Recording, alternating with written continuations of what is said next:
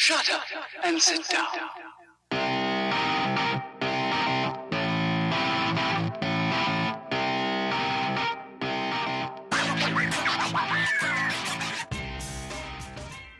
Halo, selamat datang di The Business BS Podcast. Kali ini kita bakal membahas mengenai hal yang saya suka bertanya-tanya sih. Kenapa produk-produknya Apple yang mahal-mahal itu kok banyak yang beli? Padahal kan katanya ekonomi lagi jelek lah. Terus kalangan menengah lebih rasional lah dalam membeli. Terus kenapa harga yang nampak seperti overpriced itu kok banyak yang beli? Kenapa saya kepikiran itu? Karena saya kemarin mendapatkan fakta bahwa ketika seseorang membeli Apple, rata-rata mereka itu bisa menghabiskan dana yang sebenarnya bisa dipakai untuk mereka hidup selama dua bulan setengah. Ya, jadi ada yang menghitung kalau misalnya seseorang membeli laptop, terus eh, cellphone, terus tablet, terus pokoknya yang berbau-bau Apple lah ya, terus lumayan lengkap, itu tuh paling murah bisa menghabiskan sebanyak sekitar 3.500 dolar. Dan itu kalau buat standar US itu adalah harga atau uang yang dipakai yang bisa dipakai untuk membayar sewa rumah selama dua bulan setengah. Itu kan gede banget ya. Jadi saya ingin meneliti sedikit lebih dalam mengenai strategi harga Apple dan kenapa mereka bisa laku. Jadi ya semoga pembahasan kita bisa dijadikan pertimbangan ketika ngomongin masalah strategi harga ketika kalian berdiskusikannya di perusahaan kalian atau di tempat kalian bekerja. By the way, sebagai disclaimer di awal, saya mau ngaku bahwa saya bukan pengguna produk-produk Apple. Dan saya pastikan juga nanti obrolannya nggak akan bias karena saya bukan tipe yang ketika kita pakai Android misalnya terus kita harus benci Apple. Saya juga heran ya kenapa ya dua kubu ini kok saling gitu ya, saling nyinyir gitu. Yang suka Apple suka nyinyir ke orang-orang yang pakai Android. Begitu juga sebaliknya. Ya nggak ngerti aja sih soalnya saya nggak nggak punya kecenderungan kayak gitu. Tapi ya saya nggak bisa ngejudge juga soalnya saya adalah fans sepak bola. Jadi dan kita kan suka nyinyir satu sama lain jadi who am I to judge? Nah, untuk podcast kali ini kita akan membahas menjadi tiga bagian. Yang pertama adalah bakal ada cerita mengenai strategi harga Apple dan keberhasilannya. Lalu yang kedua adalah alasan kenapa orang mau beli walau itu mahal. Dan mungkin ini bisa ditiru juga sama produk kita. Dan bagian ketiga adalah kemunduran dan kontroversi dari strategi harga Apple tersebut. Oh iya, yang belum follow kita di Spotify atau di Apple Podcast, jangan lupa follow ya. Oke, tanpa banyak menunggu lama, kita langsung mulai saja. Apple, is it overpriced or not? Business BS. Business insights and bad jokes. Oke, sekarang kita akan masuk ke bagian pertama, di mana kita akan ngobrolin bagaimana sih sebenarnya strategi dalam penentuan harga Apple ini. Jadi memang kalau ngomongin Apple tuh banyak banget yang bisa dibahas ya. Bisa dari seru dan kontroversial para foundernya, terus naik turun mereka, bahkan si foundernya sempat terlempar keluar dari perusahaannya sendiri. Lalu ada strategi-strategi marketing yang dirasa sangat keren, bahkan strategi launchingnya mereka itu sekarang ditiru sama banyak perusahaan-perusahaan gede gitu lalu ngomongin inovasi-inovasi yang mereka lakukan. Tapi untuk podcast kali ini kita bakalan cenderung bakalan lebih fokus ke masalah strategi harganya mereka. Karena ini juga adalah salah satu yang menjadi bahan paling kontroversial dalam bisnisnya si Apple. Jadi nih ya, Apple ini memang brand yang gak ragu-ragu untuk untuk ngasih harga mahal dan walaupun itu udah mahal, dia juga nggak ragu-ragu untuk naikin barang, naikin harganya jadi lebih mahal lagi. Nih contohnya nih ya, iPhone itu tahun 2007-an itu awal harganya itu dimulai dari 499. Dan tahun 2018 harga awalannya itu adalah 999 alias 1000 dolar ya maksudnya. Ini dalam dolar. Tetapi strategi harga yang selangit ini juga sih yang dirasa oleh banyak pengamat adalah salah satu alasan yang menjadikan mereka menjadi perusahaan dengan value salah satu yang paling gede di dunia untuk saat ini. Tapi kan kalau dipikir-pikir, kalau kualitasnya emang bagus, emangnya kenapa kalau harganya mahal? Iya kan? Jadi kalau misalnya harganya memang sesuai dengan speknya nggak apa-apa dong. Nah ini juga menjadi salah satu kritik gitu ya sama orang-orang yang nggak terlalu cocok sama strategi harganya Apple ini. Mereka bilang speknya itu sebetulnya ya oke lah, tapi dengan spek kayak gitu, banyak handphone lain di luar Apple yang sebetulnya ngasih harga yang jauh di bawah Apple. Itu masalahnya dianggap ngambil cuan terlalu tinggi gitu lah. Dan banyak juga ngomong, "Ah, Apple sih itu yang harga mahalnya itu cuman ininya doang, cuman ngejual gengsi doang." Nah, itu yang bakal kita teliti bener atau enggak. Pertanyaan pertama sih kita nanya dulu sama orang Apple-nya ya. Kenapa mereka kok harganya bisa lebih tinggi dibanding yang lain? Di sini Tim Cook, eee, CEO-nya Apple, dia sempat bilang atau dalam tanda kutip "membela diri" mengenai kenapa mereka mahal banget harganya. Dia bilang tuh, "Itu harganya bisa tinggi karena teknologi kami itu advance. Ini tuh produk kami itu bisa menggantikan kamera, video recorder, musik player, dan juga banyak fungsi-fungsi lainnya. Jadi ya wajar mahal." Terus dia nambahin juga, "Karena kalau di bisnis teknologi kayak Apple, kami kan berusaha menciptakan produk yang paling, eee, inovatif ya setiap waktunya gitu. Dan menciptakan produk yang paling inovatif itu nggak murah sama sekali.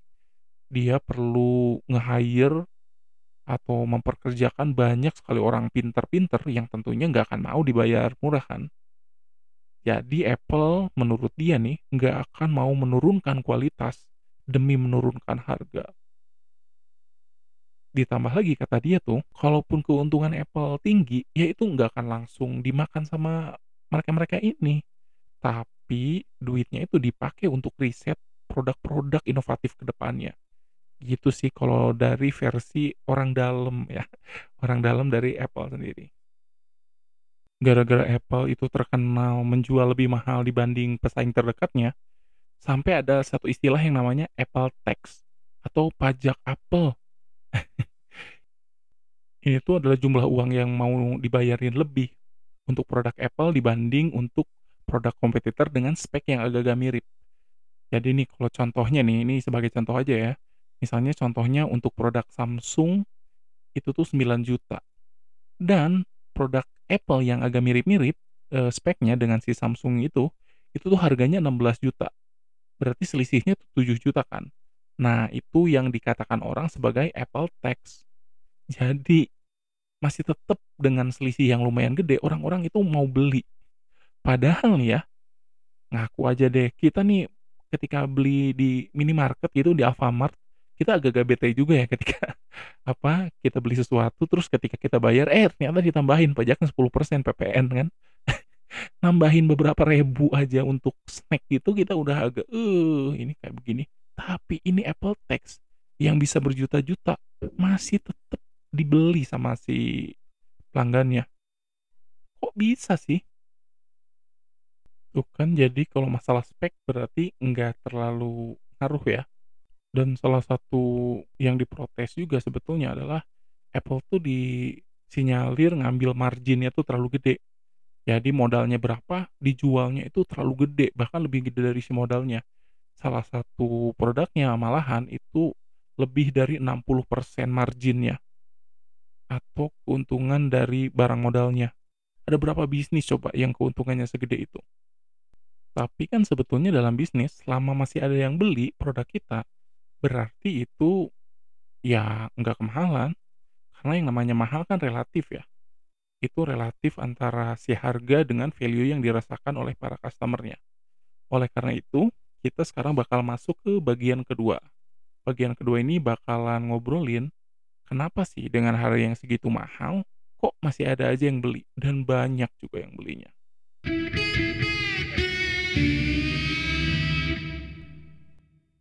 Oke, sekarang kita bakal masuk ke Bagian kedua di mana kita akan membahas mengapa orang masih tetap aja ngebeli produk-produk Apple walaupun harganya disangka overpriced oleh banyak pihak.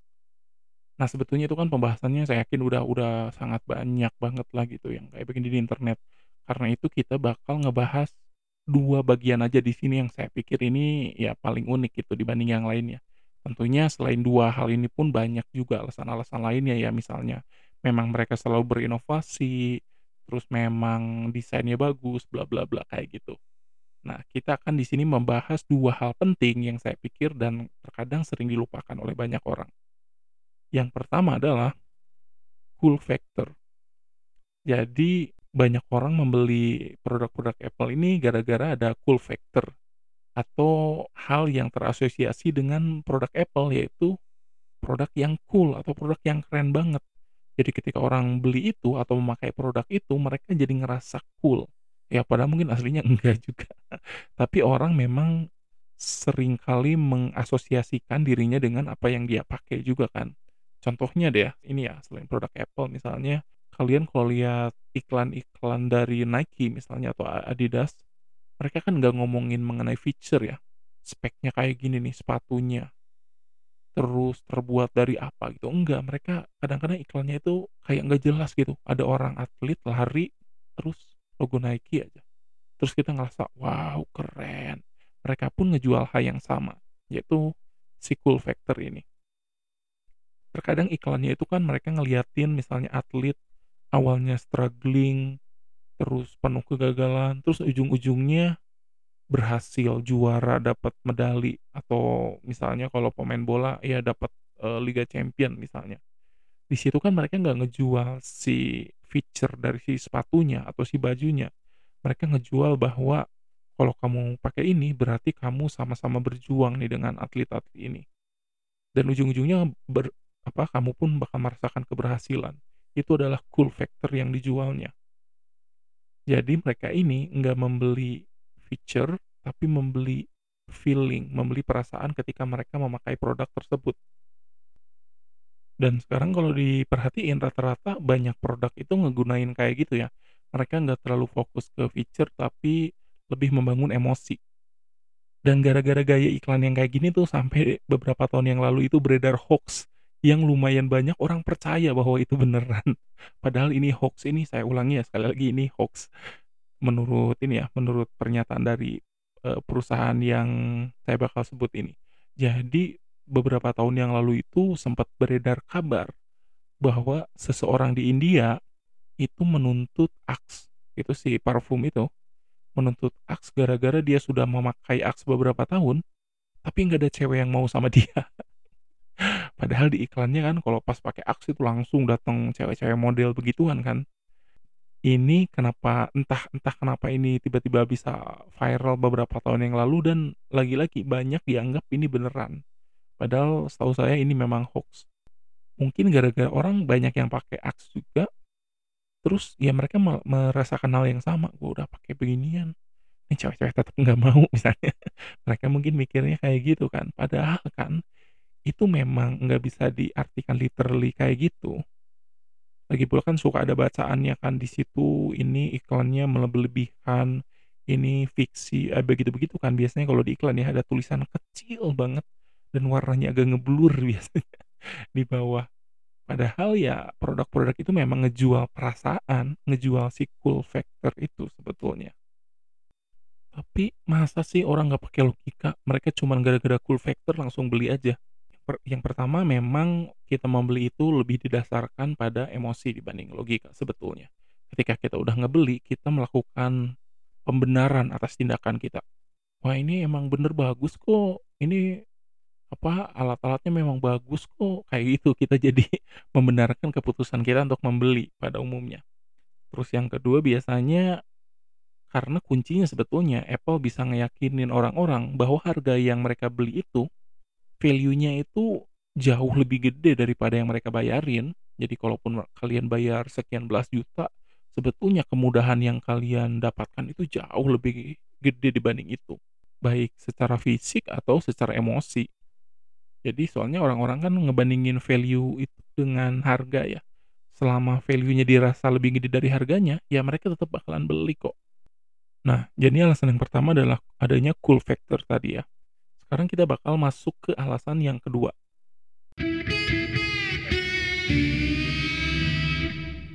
Tapi sebelum kita jauh lebih detail mengenai alasan yang kedua, saya mau cerita dulu mengenai produk-produk andalan si Apple ya. Jadi sebetulnya app iPhone sama iPod itu dibilang oleh banyak orang adalah produk yang beneran mengubah dunia dan juga mengubah dunia bisnis dan juga dunia sosial kita. Jadi pas dulu iPod muncul, itu iPod itu munculnya tahun 2001. Itu tuh harganya 399 dolar. Dan itu mahal banget kalau untuk pemutar musik doang ya. Karena itu kan fungsi utamanya untuk pemutar musik. Tapi ya mereka dengan gencar mengkampanyekan bahwa ini bisa nyimpen seribu lagu loh di dompet kalian. Dan meledak ternyata. Dalam kurang dari 6 tahun, Apple berhasil ngejual 100 juta iPod. Dan itu tuh adalah rekor tercepat untuk pemutar musik sepanjang masa sampai saat ini. Gara-gara si iPod itu tuh, tahun 2005 doang ya, Apple itu profitnya naik hampir 4 kali lipat atau 385 persen. Gila, keuntungan mereka bisa naik hampir empat kali lipat. Ya tentunya dari penjualan iPod yang paling gede ya, karena itu kan memang keunggulan mereka saat itu. Tapi setelah meledaknya iPod, ke depannya itu mereka makin menjadi-jadi dan tetap naik, naik, naik, naik terus.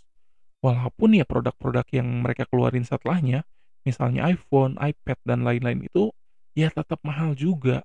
Lah kok orang-orang pada tetap beli ya? Ini adalah alasan yang kedua kenapa mereka bisa ngejual barang dengan sangat mahal, tetapi orang bisa-bisa tetap beli. Yaitu ekosistem. Apple menciptakan ekosistem yang sangat bagus. Maksudnya ekosistem yang bagus itu kayak gimana ya? Jadi antar satu produk dengan produk yang lainnya itu saling terhubung dan saling support gitu. Jadi lebih memudahkan untuk yang udah pernah pakai salah satu produk si Apple. Jadi ini misalnya kalau yang udah beli iPod, akhirnya kan oh nyaman ya gini ya kalau di Apple-nya desainnya bagus, simple, suaranya bagus. Terus ketika mereka misalnya beli laptop ya kemungkinan besar mereka akan beli, beli MacBook.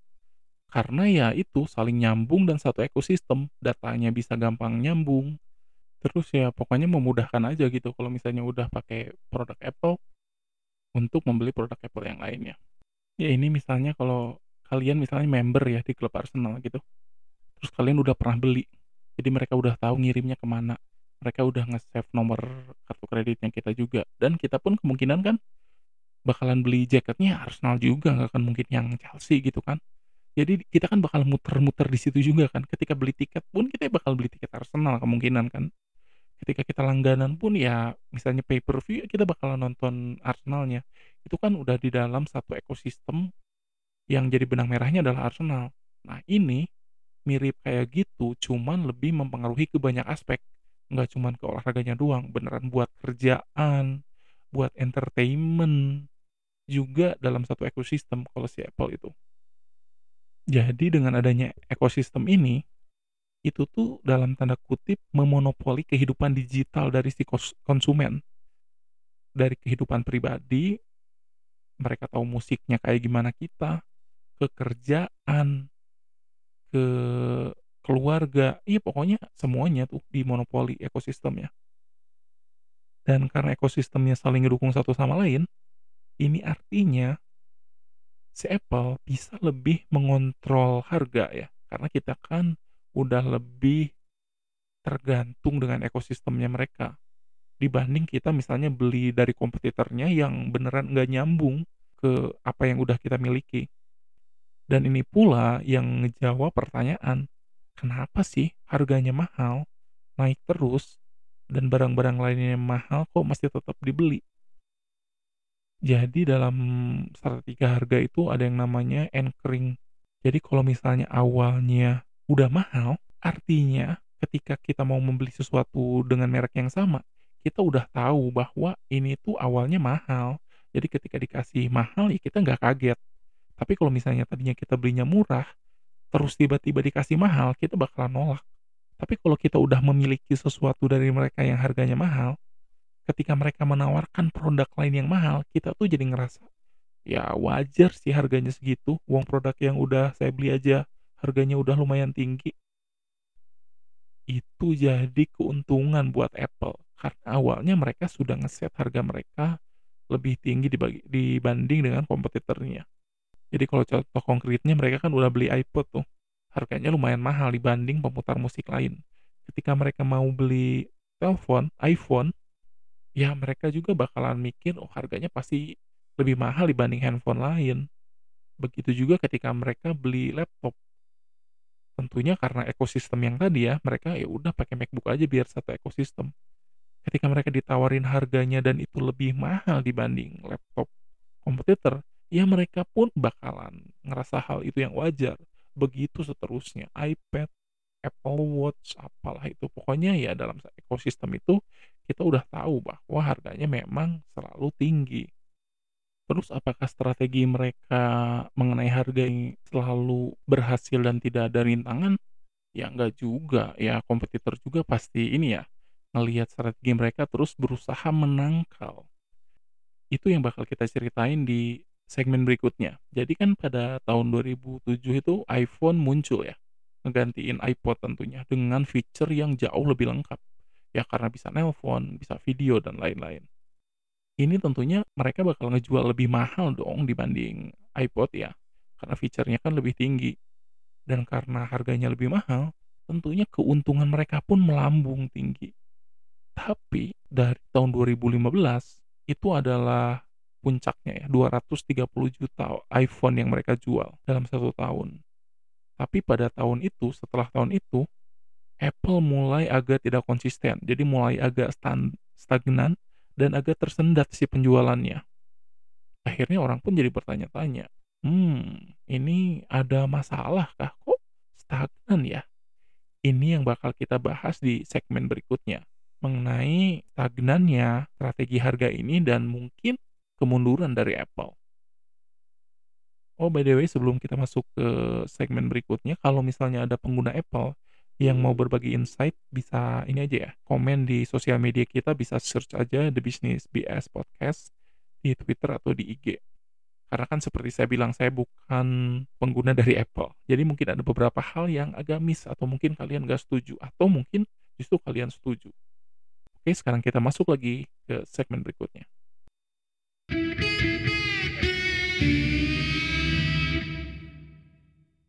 Nah, sekarang di sini di bagian 3 kita akan membahas mengenai stagnannya strategi harga dari Apple. Seperti yang tadi udah dibahas, Apple itu nanjak terus si penjualannya, tapi setelah mencapai 2015, itu mereka menjadi stagnan dan agak kurang stabil. Lah, kenapa ya? Jadi alasannya tentunya ada beberapa. Yang pertama itu memang lifespan dari smartphone itu jadi makin panjang jadi secara industri memang si smartphone ini umurnya jadi lebih panjang pemakaiannya. Jadi tentunya mereka pun nggak ngeganti secepat dulu-dulu. Atau ini juga ya, saya juga sempat jadi kepikiran, jangan-jangan itu Nokia dulu bangkrut gara-gara mereka terlalu kuat. si handphone ya. Beneran itu jatuh dari lantai berapapun kuat. Keinjak, ketidurin. Pokoknya itu emang super banget lah itu Nokia, apalagi yang awal-awal ya. Eh, tapi by the way, eh, ini ya secara serius, beneran loh sem saya sempat nonton satu dokumenter. Jadi salah satu yang membuat industri maju zaman dulu itu adalah ketika orang-orang yang terlibat di industrinya itu bersepakat supaya ngebuat suatu produk itu jangan terlalu kuat. Soalnya kalau terlalu kuat nanti mereka bakalan, eee, lama ngegantiinnya. Kalau nggak salah itu yang disorotin itu adalah industri lampu ketika awal-awal atau mesin gitu. Masih e, misalnya kayak lampu itu kan kalau terlalu lama, terlalu kuat, kita nggak ganti-ganti si bohlamnya kan. Jadi ujungnya ya orang jadi harus e, ngeganti kalau misalnya nggak terlalu kuat. Dan itu mereka jadi sampai membuat tanda kutip perjanjian supaya kita sesama produsen jangan terlalu kuat. Kalian bisa cari dokumenternya, saya lupa itu apa judulnya ya, tapi itu sangat menarik sih dan itu masuk akal secara ekonomi ya di luar etis atau tidaknya si, eee, apa yang mereka lakukan. Oh ya, kembali lagi kayak tadi, gara-gara industri secara ekonomi pun nggak terlalu bagus, terus memang produknya jadi lebih tahan lama, tapi kan ya, si shareholder karena mereka ini perusahaan terbuka, tentunya tetap pengen keuntungan perusahaan itu naik terus, walaupun penjualan mereka jadi lebih sedikit. Terus apa yang dilakukan sama Apple untuk memuaskan dahaga profit dari para pemegang saham? Ini adalah strategi yang lumayan sederhana, yaitu ya dinaikin lagi harganya. Mungkin kalian mikir, walaupun udah mahal, iya dinaikin lagi harganya.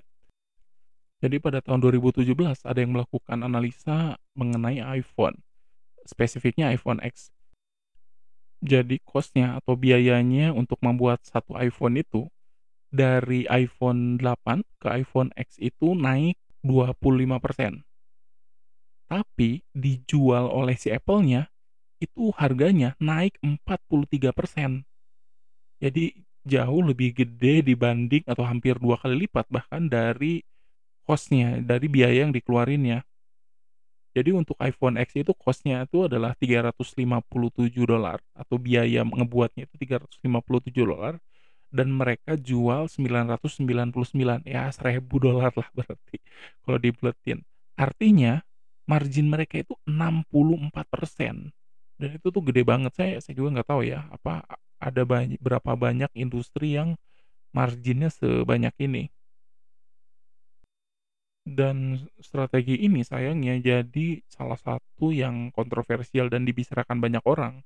Ya karena banyak orang mikir, "Ini nggak kegedean ya emangnya Apple ngasih harganya, apakah ini etis atau enggak?" Ya pokoknya jadi menjadi banyak pembicaraan di luar gara-gara si strategi ini.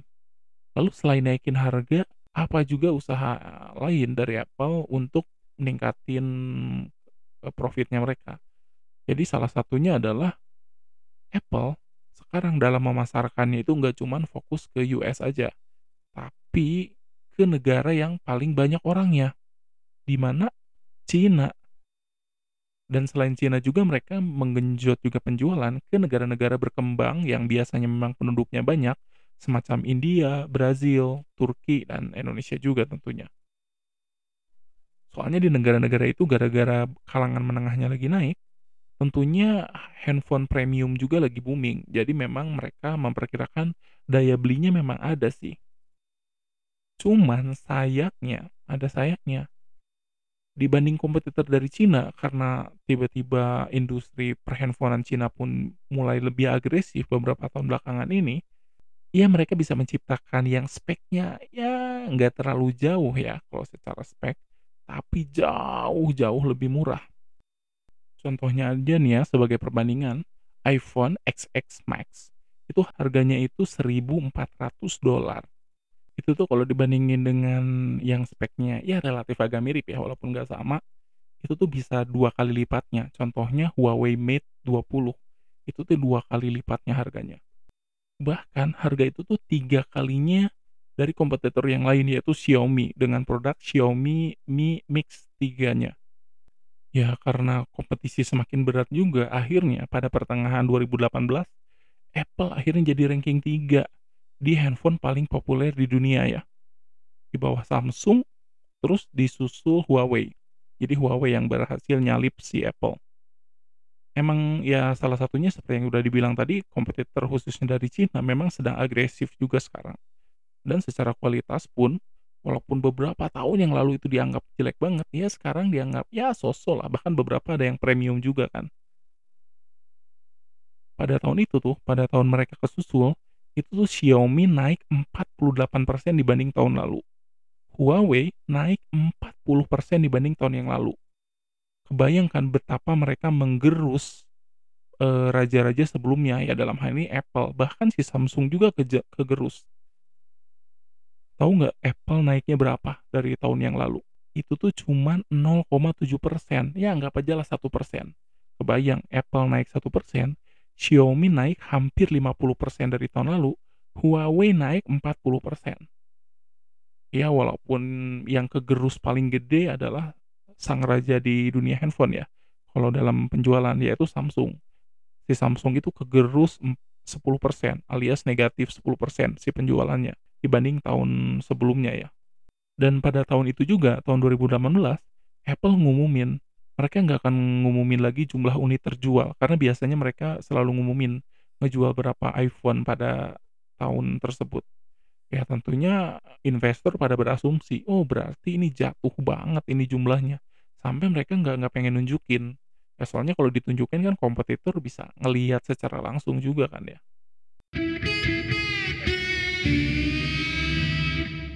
Nah itu adalah sedikit cerita dan lika-liku mengenai Apple dan juga strategi harganya. Jadi yang bisa kita tarik sebetulnya, apakah strategi harga Apple itu bagus? Ya bagus. Karena dia bisa menjadi brand dengan value salah satu yang paling gede di dunia ini.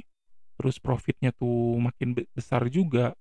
Terus ya besarnya si perusahaan pun dari tahun ke tahun ya semakin berkembang juga. Cuman ternyata nih strategi harga doang itu nggak cukup. Harus didukung oleh inovasi yang terus menerus ya memang harus diakui beberapa tahun ke belakang ini Apple memang agak kedodoran dan strategi harganya pun jadi nggak cukup baik untuk itu. Memang strategi harga harus ditopang dengan inovasi yang oke juga. By the way, ngomong-ngomong mengenai inovasi, eh, kita sempat ngebahas di episode pertama kita bahwa inovasi itu baik banget. Tapi inovasi yang kayak gimana juga? Kalau ternyata salah arah, justru itu bisa membawa perusahaan ke kehancuran. Jadi kalian bisa dengerin di podcast kita, The Business BS Podcast, episode pertama mengenai inovasi ya. Kalau misalnya kalian pengen ngedengerin analisa yang lebih menggelitik dari inovasi ini. Ternyata ya inovasi nggak segampang itu juga. Harus inovasi pasti berhasil. Belum tentu. Inovasi yang kayak gimana juga. Malahan kalau inovasinya salah, malahan bisa hancur perusahaan kita. Oke, sekian dulu untuk podcast kita hari ini yang membahas mengenai strategi harga dari Apple.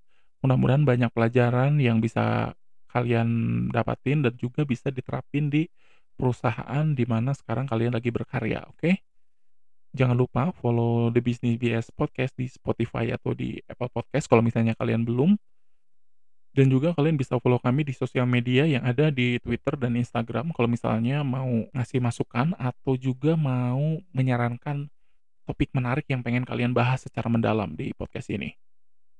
Oke, okay, that's enough BS for today. Cheers. Business BS. Business insights and bad jokes.